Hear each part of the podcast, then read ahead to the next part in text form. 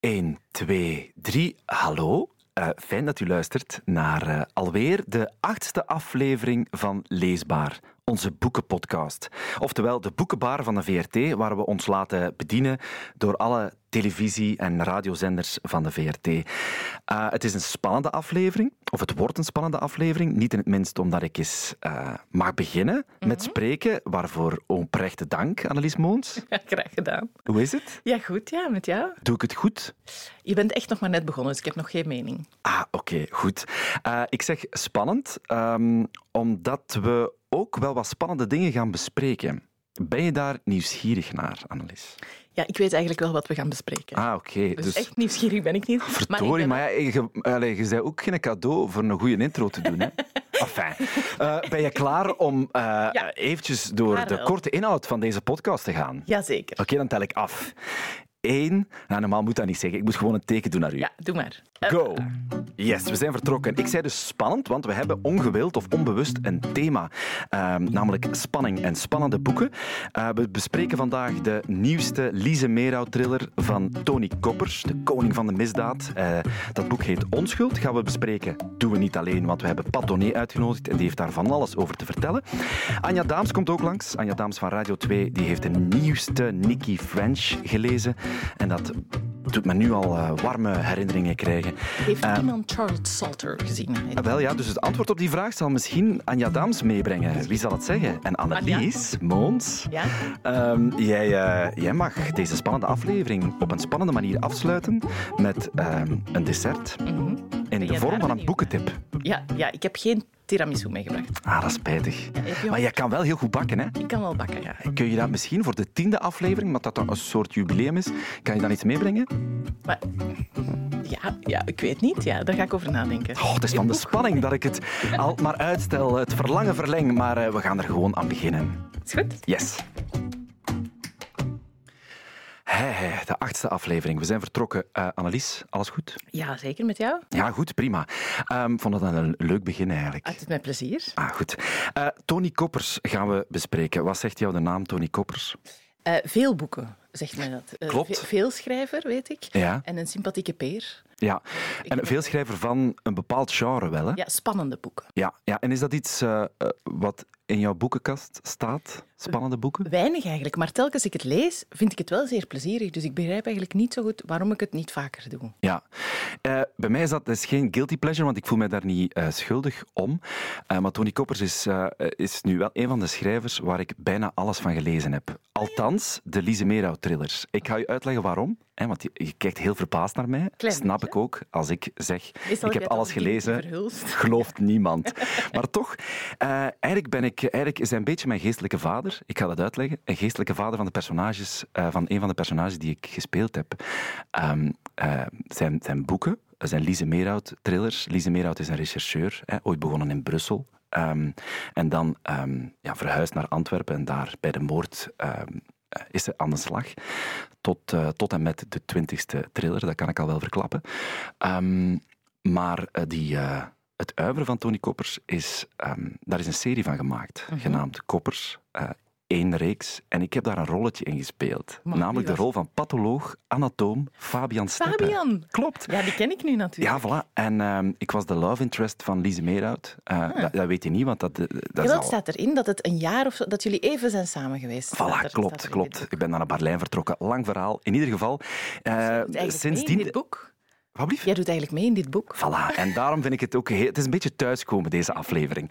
Uh, dus we gaan Onschuld bespreken. Onschuld is zijn uh, twintigste Lise Meerhout-thriller. Uh, dat, dat is, is, alleen maar reden om, om te feesten. Hij heeft vorig jaar een prijs gekregen. 25 jaar um, schrijverij in de, in de misdaad. Hij heeft daar de Hercule Poirot-prijs voor gekregen. Lifetime Achievement. Lifetime Achievement. Um, en ik, ik heb daar wel iets mee met, met, met, zijn, met zijn boeken. Um, uh, ik, ik, lees het graag, niet enkel om de plot, maar uh, vooral omdat ik, ja, ik, ik leef nu al wel echt een tijdje samen met die personages. Uh, niet alleen Lise Meerhout, maar ook Michel Masson, een beetje een getormenteerde rechercheur. Maar hij doet daar altijd wel iets mee. En hij heeft een gesprek gehad bij, bij Patonnet, en tussen Berg en Dal, bij, bij Clara. En daarin vertelde hij zelf wat voor hem eigenlijk het belangrijkste is in zijn boeken. Wat ik paradoxaal vind, op zijn minst, is uh, als misdaadauteur bijvoorbeeld dat je heel zelden bloed uh, vindt in mhm. jouw boeken. Ja, ik ben um, ontzettend blij dat je dat zegt. Ik meen dat. Ik ben daar heel dankbaar om, want dat is, dat is voor mij ook heel erg belangrijk. Ik, um, ik, ik denk dat ik uh, nog meer ben geïnteresseerd in, in hoe het met de mensen gaat in mijn boeken dan hoe het plot verloopt. Omdat, uh, ja, dat klinkt heel vreemd, maar ik ga het, ik ga het heel kort uitleggen. Uh, het plot, dat is, voor mij is dat vakmanschap. Um, daar werk ik heel hard aan om dat heel goed te laten kloppen, omdat dat zit als een, normaal gesproken als een bus in elkaar. Um, dat klopt als een bus, sorry. En, en zodat ik tijd heb om over personages, over mensen te schrijven. En ik denk dat ik op een, op een hele natuurlijke manier ben gegroeid naar een soort thrillers die, die, ja, die, die over mensen gaan en waarbij het plot eigenlijk gewoon een vehikel is om te kunnen praten over hoe wij met elkaar omgaan en wat mensen met elkaar doen. Dat is dus een van de troeven, vind ik, van, uh, van uh, Tony Kopers zijn uiveren. Althans, de Lise Meerhout-thrillers, moet, ik altijd, moet ik er altijd bij zeggen, want hij heeft niet enkel dat geschreven. En om dat kracht bij te zetten, heb ik een uh, eminence grise uitgenodigd. Net voor zijn pensionering maakt het tijd voor ons en daar ben ik heel blij om. dag Pat Tony. Dag Joris. Pat, we gaan het hebben over Tony Koppers. die is jou niet onbekend, hè? Nee. Um, dat is eigenlijk al meteen een disclaimer. Het is een, een hartsvriend. We kennen elkaar sinds 17 april 1984. Oké, heel precies. Ja, dat is namelijk eh, de dag dat Tony uh, hier begon op de VRT. En ik was op dat moment al een imminence griezen. Ik zat hier al namelijk één dag. Ah, okay. Dus toen hij binnenkwam, zei ik: uh, Hallo, uh, welkom in de VRT. Alsof het echt uh, mijn gebouw was. hij schrok daarvan. En het is vanaf dag één een, ja, een, een, hele intense vriendschap, een bloedbroederschap, uh, mag ik wel zeggen. Ja, um, we gaan het uh, eerst hebben over uh, dat nieuwste boek van hem, Onschuld. Dat situeert zich in die Lise Meerhout-reeks. Ehm, Heb je daar iets mee met, met wat hij schrijft, het, het genre dat hij beoefent? Nee, ronduit nee. Oké. Hij is op John le Carré na de enige misdaadauteur die ik lees. Oké. En dat heeft niks met uh, misplaatste pretentie te maken of met uh, neerkijken op. Uh, het is gewoon mijn ding niet.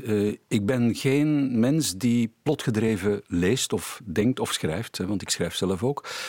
Maar dus Lise, die um, was op het moment van het eerste boek in 2008 het eerste Lise Meerhout verhaal.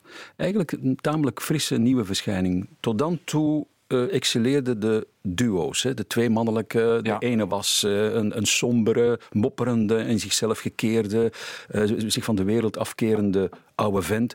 Daartegenover moest dan een, een jongere versie staan, maar ook een man. Mhm. Hij was de eerste, denk ik, een van de weinigen die een vrouw introduceerde als hoofdpersonage. En zij is dus een laat dertiger. Ze komt uit Brussel, gaat dan inderdaad, zoals je zegt, naar Antwerpen. En ze rijdt eerst met een Vespa rond. En dat vervoermiddel bijvoorbeeld, dat vind ik is exemplarisch, maar een metaforisch voor heel die serie. Daar blijft zij tot in onschuld mee het onreine. Hè? Dus je herinnert je, eh, ze, ze, weet niet wat kiezen. Ze moet, ga ik nu een bakfiets uh, of, of een uh, elektrisch wagentje? Ja. Uh, daar komen ruzies van. de weinige keren trouwens dat ze in het boek optreedt en iets zegt. Mm -hmm. En daartegenover, dat is dan de antipode eigenlijk, heb je Masson, Michel Masson, um, die hem heel goed ligt. Hè? Dus als auteur. Ook, ook, moet ik zeggen, Lise. En ik hoor dat van uh, vrouwelijke dertigers die uh, Tony lezen, dat ze zich daarin herkennen. Ja, heeft misschien ook te maken, sorry dat ik jou onderbreek, Pat, uh, met dat hij de, de laatste jaren ook vaak schrijft met zijn vrouw, Tony. Klopt. Uh, met Annick Lambert. Ze hebben dat een beetje samengeschreven. Ik weet niet hoe, uh, hoe uh, die, die verhouding net in elkaar zit in, tijdens het schrijven. maar dat zou misschien kunnen helpen in het voeding geven aan het personage Lise Meerhout. Maar dus die Michel Masson, waar jij het net over had, en Lise Meerhout, die, die relatie komt onder spanning in dit laatste Klopt. verhaal, of het, in het meest recente verhaal, Onschuld. wat ik heel straf vind, en dat kan ik al wel zeggen aan, aan de luisteraars die geïnteresseerd zijn in het boek. Ehm, in de eerste bladzijde doet hij, uh, doet hij iets heel uh, bijzonder, vind ik. Um, hij laat uh, Lise Meerhout ja, bijna sterven. Ja. Toch? Ja, dat, dat is dat hoofdpersonage en bijna weg. Neerschieten, ja. ja. Ja. Ja, dat is, dat is schokkend. Hè? Maar, zeker als je dan die 19 voor hebt gelezen, dan zeg je, oh, wat is hij nu van plan? En het sterke vind ik nu van dit verhaal is, en dat, dat moeten we zeggen, hij zal me daarvoor doodschieten, maar dat moeten we gewoon zeggen. Die man slaagt erin, Tony Koppers, om 300 pagina's lang het hoofdpersonage, zijn hoofdpersonage, bovendien bij een jubileum, de twintigste versie, Ja. gewoon die in coma te laten zitten. Ja, ja, ja. Dat is fenomenaal. Ja. Dat je dat durft ook. Ja, en vooral ook, want ik heb nu... Dit is mijn eerste uit de reeks Ah, dat ja. ik lees. En dat is net het bijzondere. Wat jullie vertellen, ook over die relatie, is mij wel duidelijk. Ja. Je moet het maar kunnen om mensen die het verhaal heel goed kennen en de personages heel goed kennen, niet te verliezen door te veel uit te leggen. En toch mij ook te bedienen in mijn kennismaking met al die personages. En, En- dat vind ik wel ongelooflijk. Maar nu, nu komt het interview erboven. Hè. Eh, Dus nu je het de eerste keer hebt gelezen, Annelies, eh, heb je het idee van, ik mis die 19 anderen, of kun je het echt als standalone lezen? Ik vind van wel. Ja. Ja, omdat ik wel, ik voel wel in alles de warmte tussen die personages. Mm. En je voelt dat er veel voorgeschiedenis is. Als je iets moet weten, zoals er was een relatie met Fabian, dan krijg je die info. Mhm. Ehm, maar je voelt veel wat er niet gezegd wordt. Ja, ja. En dan ben ik wel benieuwd naar de andere boeken, maar ik heb ze niet per se nodig. Bij- Dat, ik denk het dus ook, maar dat is moeilijk, hè? want voor jou misschien ook niet makkelijk, omdat wij ze allemaal hebben gelezen. Ja, ja, klopt, helemaal. Maar eh, ik, eh, ik heb me laten vertellen dat, dat Tony en Aniek dus nu ook, eh, dat die er wel echt prat op gaan om die boeken als standalones eh, te schrijven. En dat vind ik er wel bijzonder aan. Dus bij deze, ehm, merci om dat toch aan te brengen, Annelies. Ja. Ehm, Ja, ik ben blij dat ik iets kan bijbrengen. ja, heb, je, heb je ervan genoten eigenlijk? ja, heel Ja. erg. Ja, ik, heb, ik vond het het ideaal. Ik lees heel graag in bad. En eh, ik weet altijd dan hoe goed een boek is, naar hoe verrimpeld ik eruit kom. Ja. En dat was in dit geval heel erg, omdat ik wel wou blijven zitten en blijven lezen gewoon. Hmm. Eh, omdat ik wel heel veel voelde en ik was ook heel benieuwd naar wat er ging gebeuren. Ik kan me voorstellen dat het meer diepgang krijgt. Zeker hier door die spanning tussen die twee hoofdpersonages. Ja. Eh, als je die anderen hebt gelezen. Maar ik was gewoon wel heel benieuwd. En ook, ehm, en daar zijn toch echt wel wat fans die, die echt alles lezen.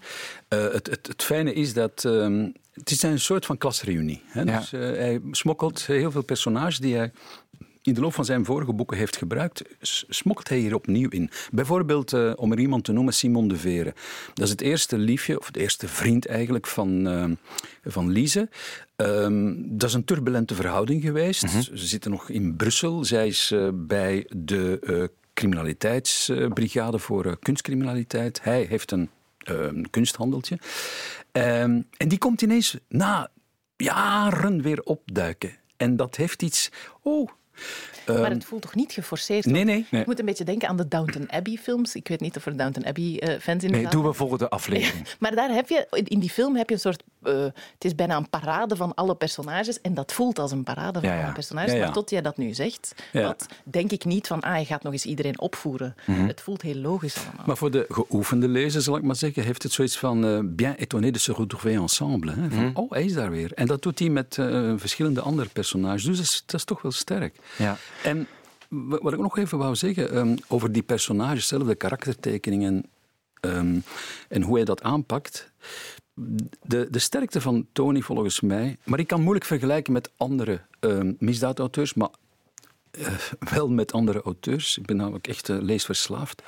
Dat is dat hij erin slaagt om zijn personages ehm, te portretteren met heel veel mededogen.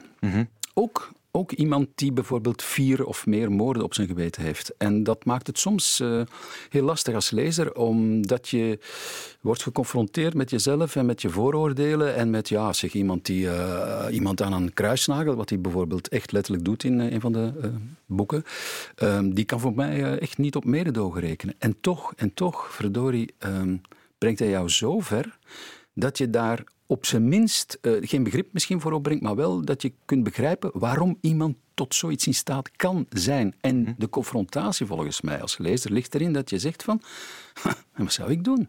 Ja. Wat zou ik in zo'n situatie doen? Dus heel veel mildheid.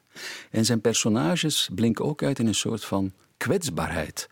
Ehm, het is bijna alsof ze volharden in de broosheid. Ja. Ik vraag mij ook elke keer af, als ik een, een boek van Tony uit ter hand neem, ehm, waar haal je in godsnaam al die inspiratie vandaan?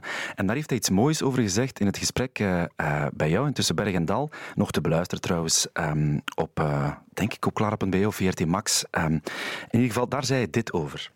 Maar als we even teruggaan naar de jeugd van jou, met een, een, een mama die dus in een sigarenfabriek werkt en een papa die loodgieter is bij het leger. Dat was heel ongezond werk in die sigarenfabriek.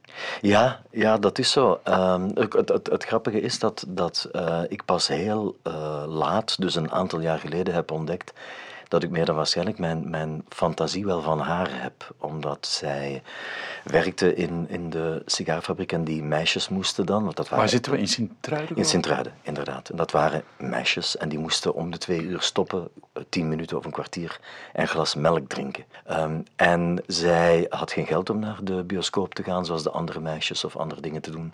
Dus zij vertelde dat zij, uh, dat zij boeken las. Um, en zij vertelde dan ook tegen mij een aantal jaar geleden van kijk, dan begon ik iets te vertellen over een verhaal uh, wat ik helemaal niet kende, want ik had nooit een boek gelezen. Maar dan had ik tijdens het werk twee uur de tijd om over het vervolg na te denken. En om dan na twee uur bij het volgende glas melk te kunnen vertellen hoe het verder liep. En dan moest ik dat ook maar tien minuten doen en dan had ik weer twee uur tijd om over het vervolg wow. na te denken. Dus dat is eigenlijk een schrijfster puur sang. Hè? Heel mooi, eh, heel mooi uh, verhaal. Ja, het, is een, het, is, het is gewoon een heel goede verhalenverteller. Hè? Ja, dat heeft hij dus kennelijk van zijn mama. Dus je moet je dat voorstellen. Um, een, een, hij komt uit een heel eenvoudig arbeidersgezin. Hè. Die vader was uh, loodgieter um, bij het leger. Trouwens, de ouders allebei leven nog. En die mama, eerst sigarenfabriek en dan vervolgens schoonmaakster. Dus echt, echt, echt um, heel eenvoudig arbeidersgezin.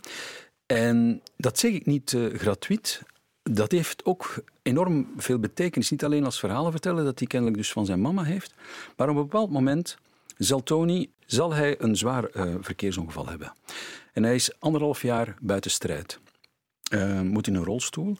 Uh, dat is net op een heel cruciaal moment, namelijk dat hij ja, de poorten van de universiteit voor zich open ligt, dus hij kan dat niet. Die ouders moeten ontzettend veel geld ophoesten om die zoon anderhalf jaar laat, uh, lang te laten revalideren en, en te verzorgen en zo. En die vader gaat uh, dus extra werken om die kosten te kunnen betalen. Maar op een bepaald moment is het geld op. Mm -hmm. En dus als hij gaat studeren, Tony, dan uh, doet hij dat op eigen kosten. Uh, door heel veel baantjes, uh, vooral in cafés, te, te, aan te nemen. Ik heb hem daar trouwens leren kennen.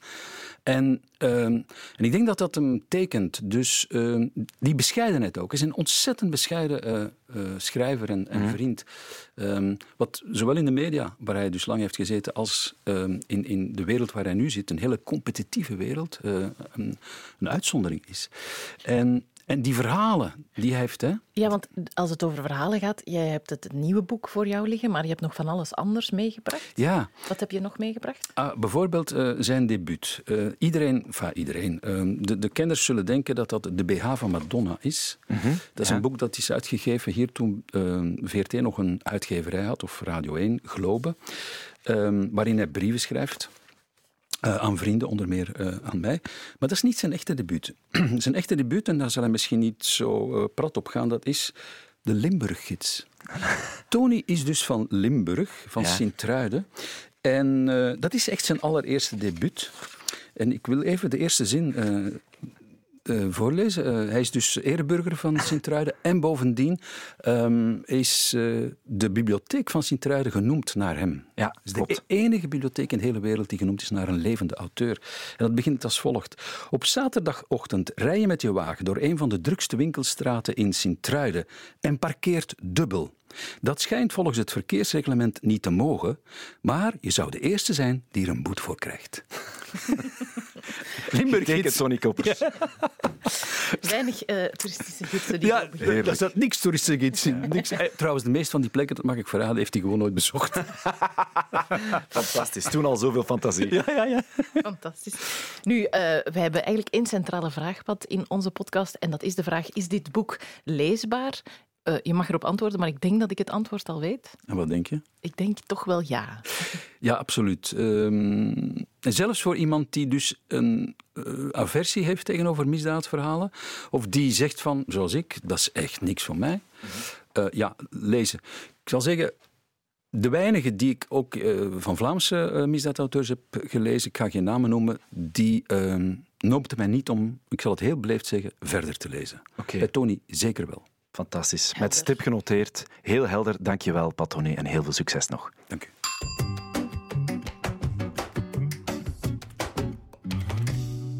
Joris, je zei het net al uh, in onze intro, we hebben per ongeluk een thema. Ja, dat klopt. zijn spannende boeken. Ik denk ook wel dat dat het thema van het jaar is. Op dit moment van het jaar komen er voor mij, volgens mij veel boeken uit um, die mensen zouden kunnen mee op vakantie nemen. Ik kan natuurlijk elk boek meenemen, maar ja. dit zijn wel het soort boeken die graag gelezen worden op vakantie. Zo ook uh, de nieuwe Nicky French.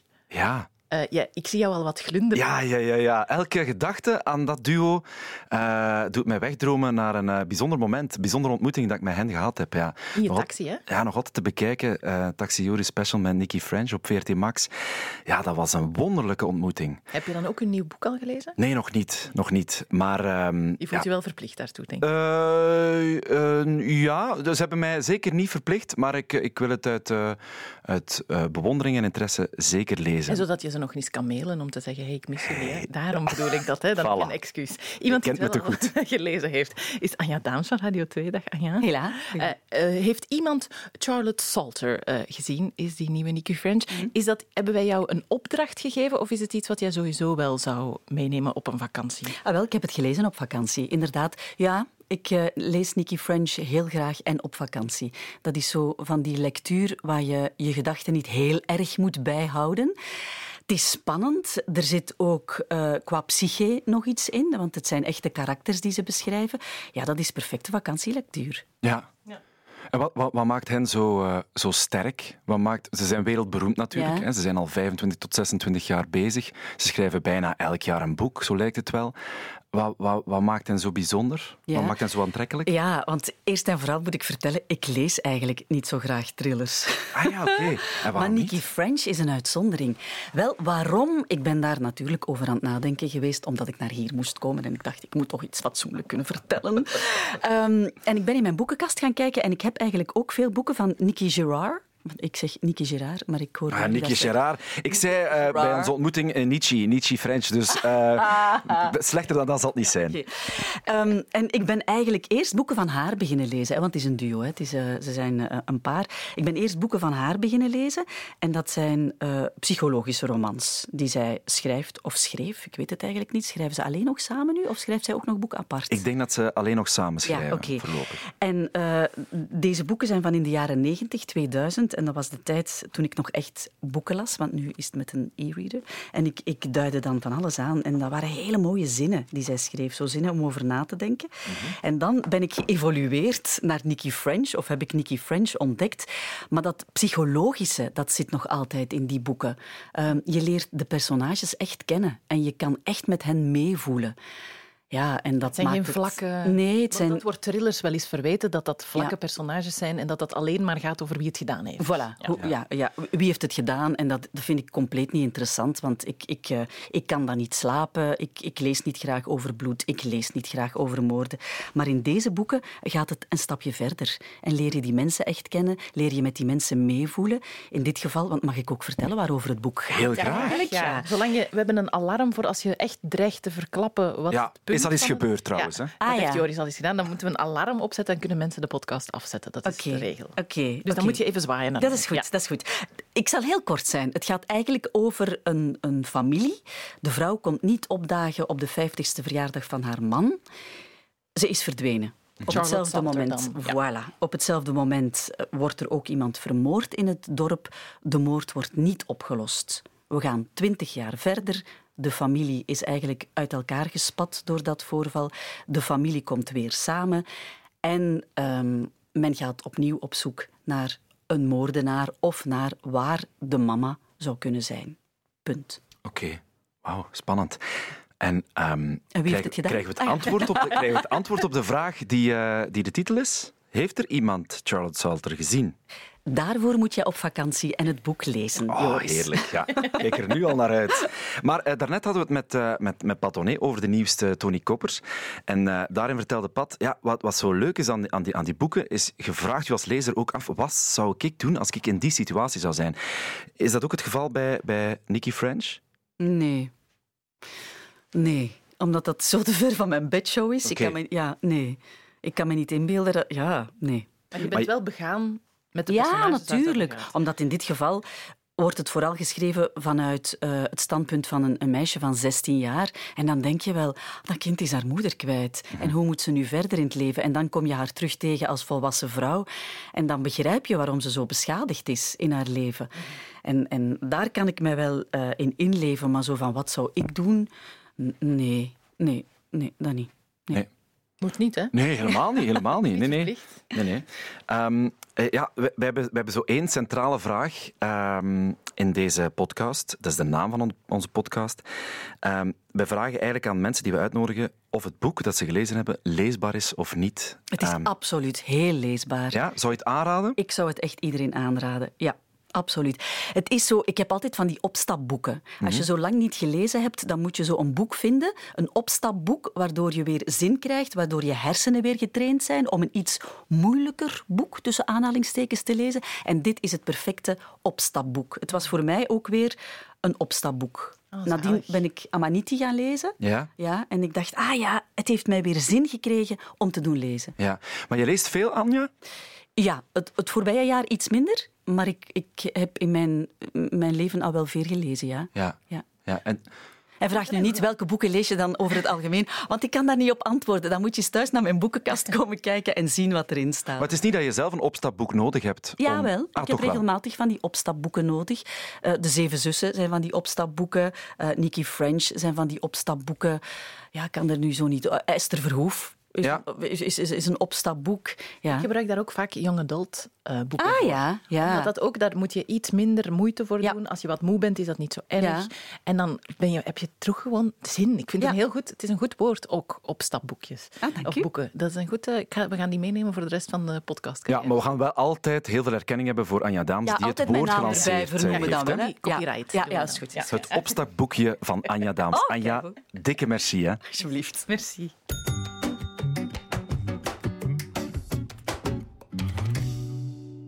Microfoon valt ervan om. Ja. Dat is omdat ik vind het wel altijd het spannendste moment van de podcast. Ja, ja want het is aangebroken. Hè, alsof de spanning nog niet genoeg was uh, met de nieuwste Tony Koppers en Nicky French. Uh, zijn we bij het moment aanbeland waarop jij de mensen en mezelf ja? verblijdt met een dessert, met een nog maar wat praten, boekentip. ja, je bent gewoon aan het draaien. Hè? Ja. Uh, met, een, met een boekentip. En ik weet dat jij veel meer leest dan ik, dus ik ben heel benieuwd naar jouw dessert ja, het was, vandaag. Het was moeilijk kiezen en ook niet moeilijk kiezen. Want eigenlijk, um, en dat is echt, ik zeg dat vaak, van ik heb nu al een stapel van die boeken klaar liggen om aan mensen cadeau te doen. Dit heb ik echt al zonder aanleiding aan vier mensen cadeau gedaan. Oké. Okay. Um, eh, zonder verjaardag of zonder, gewoon omdat ik vond dat ze het moet lezen. En ik ga het aan jou ook doen. Echt? Ja, is het goed? Ja, maar ik ga eerst, uh, ja, ja, maar ik moet, ik, ja? ik, moet eerst ook nog iets geven aan jou. Ja. Want ik heb vorige aflevering uh, jou een boek beloofd van Jaap Robbe Schemerleven. Dat was mijn vorige dessert. Dat je wat gespoild had? Helemaal gespoild. Maar niettemin, uh, ondanks het feit dat ik het helemaal gespoild heb en verbrod heb voor heel veel lezers, geef ik het jou nog cadeau, want ik ben het jou vergeten te geven. Ja, je hebt het jou nu terug geven? mee naar huis genomen. Ik ga het ja. smijten. Ah, voilà, daar gaat hij. Dank u, hè. Zo ook kan nog gooien. Ja. Het is dan twee keer onbeleefd eigenlijk. Nee, nee, nee. nee, nee. Het gebaar zelf is beleefd. Ja, ja dank u wel, dank u wel. Uh, mag ik dan nu een boek aan jou geven? Nog? Met heel veel plezier. Ja, ik ga het komen geven, want je bent nogal ver. Ik ga even lopen dan. Oké. Okay. Ja. Um, voilà ze komt nu tot bij mij met, ah, met een heel mooie cover, dat mag ik al wel verklappen. Het eh, gaat over het boek Voor de Nieuwe Maan van Tine Lefevre. Lefebvre. Excuseer. Ja, het staat er ehm, juist op. Voor de nieuwe maan, Tine Lefebvre. Ja, dus ze is letterzetter in, in Kortrijk. Oké. Um, en ze heeft een heel mooi boek geschreven. Ja, je mag ook eens kijken wat er van achterop staat. Want Ah, wacht, wacht. Oké, maar dit is, mooi, dit is mooi, want jij geeft mij een boek waarop je zelf met een quote staat. En ik citeer. Een boek om in te wonen waarin je je thuis zult voelen op schroothopen, vlotte eilanden en in boomhutten, maar vooral bij mensen die nog echt naar elkaar kijken, met zinnen om verliefd op te zijn en tekeningen die niet louter illustreren, maar verrijken. Getekend de hooggeëerde Annelies Moons. Ja, dat was niet helemaal de bedoeling dat je dat zou voorlezen. Ik doe het toch, omdat ik je graag heb. Ja, dankjewel. Ik en omdat je dan niks meer moet zeggen over het boek. Nee, het is wel waar. Nee, maar het is wel, uh, wat, wat er wel belangrijk aan is aan het feit dat ik daar toevallig per ongeluk op die cover sta, is dat ik dat boek heb mogen lezen toen het nog gewoon een pdf was. Ja. En ik vind dat toch ehm, soms moeilijker om een boek dan goed te vinden. Ik, ik- Ah ja, snap je? Als je? Als je dat zo... Je krijgt dat dan als een Word-document en dan eh, begin je daarin te lezen en dan heb je nog niet zo het feit van dat is nu een boek en dat is mooi vormgegeven en dat is, dat is allemaal nog... ehm, die randvoorwaarden zijn er nog niet. Mhm. En als een boekje dan zo overspoelt van fantastisch zijn, is dat extra bijzonder, vind ik. Ja. En wat maakt het zo fantastisch? Je hebt al iets gezegd in de quote, maar Ja, dus je, je hebt Boris. Boris is een heel mooi personage. Het is een, een jonge jongen. En hij woont op Ark. En dat is een eiland dat zijn ouders gecreëerd hebben. Want eh, zij wonen in het midden van een meer. Want op het vasteland zijn er landrotten. oké. En ehm, daar, daar wil je niet naartoe. En dus hij is heel gelukkig op dat eiland. Maar plots is daar Maan. En dat is een nieuw zusje. En daar is hij niet zo heel blij mee. Dus hij wenst heel erg dat hij weggaat, dat hij er niet meer is. En dat, die wens komt ook uit. Maar er is één probleem. Vrijdag, zo'n geliefde hond, is ook weg. Dus gaat hij op zoek naar vrijdag. Ehm, en dat is ook heel spannend. Daarin past het wel een beetje bij ons thema van Ja, ik wou net zeggen. Maar het is vooral een hele bijzondere wereld. Ehm, ik ben graag in werelden die op zich wel wat lijken op de onze. Dat je niet in de ruimte of zo zit, maar dat je gewoon heel erg verrast wordt door personages die ja, in hoe ze doen en waar ze mee bezig zijn en hoe ze wonen, die in een boom moeten wonen waar niemand ze kan zien. Dat vind ik wel echt heel plezierig. Om Ah, echt weg te zijn van de wereld, ehm, lees ik dat heel graag. En dit is dan wel echt een uitmuntend, een uitmuntend voorbeeld. Ik had er nog nooit van gehoord. Ah, Ik ben blij dat ik het jou dan heb eh, kunnen cadeau doen. Ja, heel, mooi, eh, heel mooie tip voor de nieuwe maan van Tine Lefebvre. Met illustraties van Jacques en Lise. Nu moet ik eerlijk zeggen, ik heb al eens door het boek gebladerd. Ik heb nog niet zoveel illustraties gevonden. Nee, maar als er zijn, Ja, zijn ze wel echt heel erg goed. Ze hebben zo hele kleine illustraties ja de hoofdstukjes ja, worden... bij de hoofdstukjes. Ja, En dat voegt altijd iets, heel, iets toe. oké. Want het is ook wel, Jacques en Lise ehm, zijn ook, dat is een duo dat tekent, een koppel ook. En eh, ze hebben ook heel eigen boeken gemaakt. En daarin vertellen die tekeningen vaak nog, een, nog vier keer zoveel verhaal als het verhaal zelf. Ehm, dat zijn altijd hele bijzonder. Zij werken ook altijd met specifieke kleuren. Je pikt die boeken er zo uit als je die ergens ziet liggen. Voor mij is dat van het beste prentenboeken dat er gemaakt worden. Die worden ook eh gelauwerd en dat is met prijzen en zo. Dat is, die zouden veel meer geroemd moet, nog moeten worden. En ze hebben ook tentoonstellingen soms en zo. Ze hebben gewoon heel mooie dingen gemaakt. Oké, is een dubbele tip eigenlijk. Ja. Jacques en Lise, eh, maar vooral het boek voor de nieuwe maan van Tine Lefebvre. Mag ik jou heel erg bedanken voor dit geschenk. Je mag het zelfs meenemen naar huis. Ik zal het niet zelf terug meenemen. Fantastisch. Jij bent echt een vrouw van je woord. Oh, heerlijk. Ik kijk nu al uit ehm, naar de volgende aflevering. Dat is aflevering 9. Maar ik moet nu eventjes bekomen van drie boeken vol van spanning. Ja, dus ga je dan een rustig dessertje? Ik ga rustig dessertje eh, meebrengen en jij mag terug eh, de aflevering beginnen. Volgende Ja, keer is het goed. ik vond het wel heel aangenaam. Ja? Ik Ja. ben blij dat je het gedaan hebt. Ik ben ook trots op jou. En ik hoop dat de luisteraar dat ook vond. Al zal je dat nooit weten. Tot volgende week. Ah, volgende keer. Tot volgende keer. Ah, toch op het einde dan. Nog toch. Ah, verdorie. Het venijn zit altijd in de staart. Tot volgende keer. Volgende keer beter.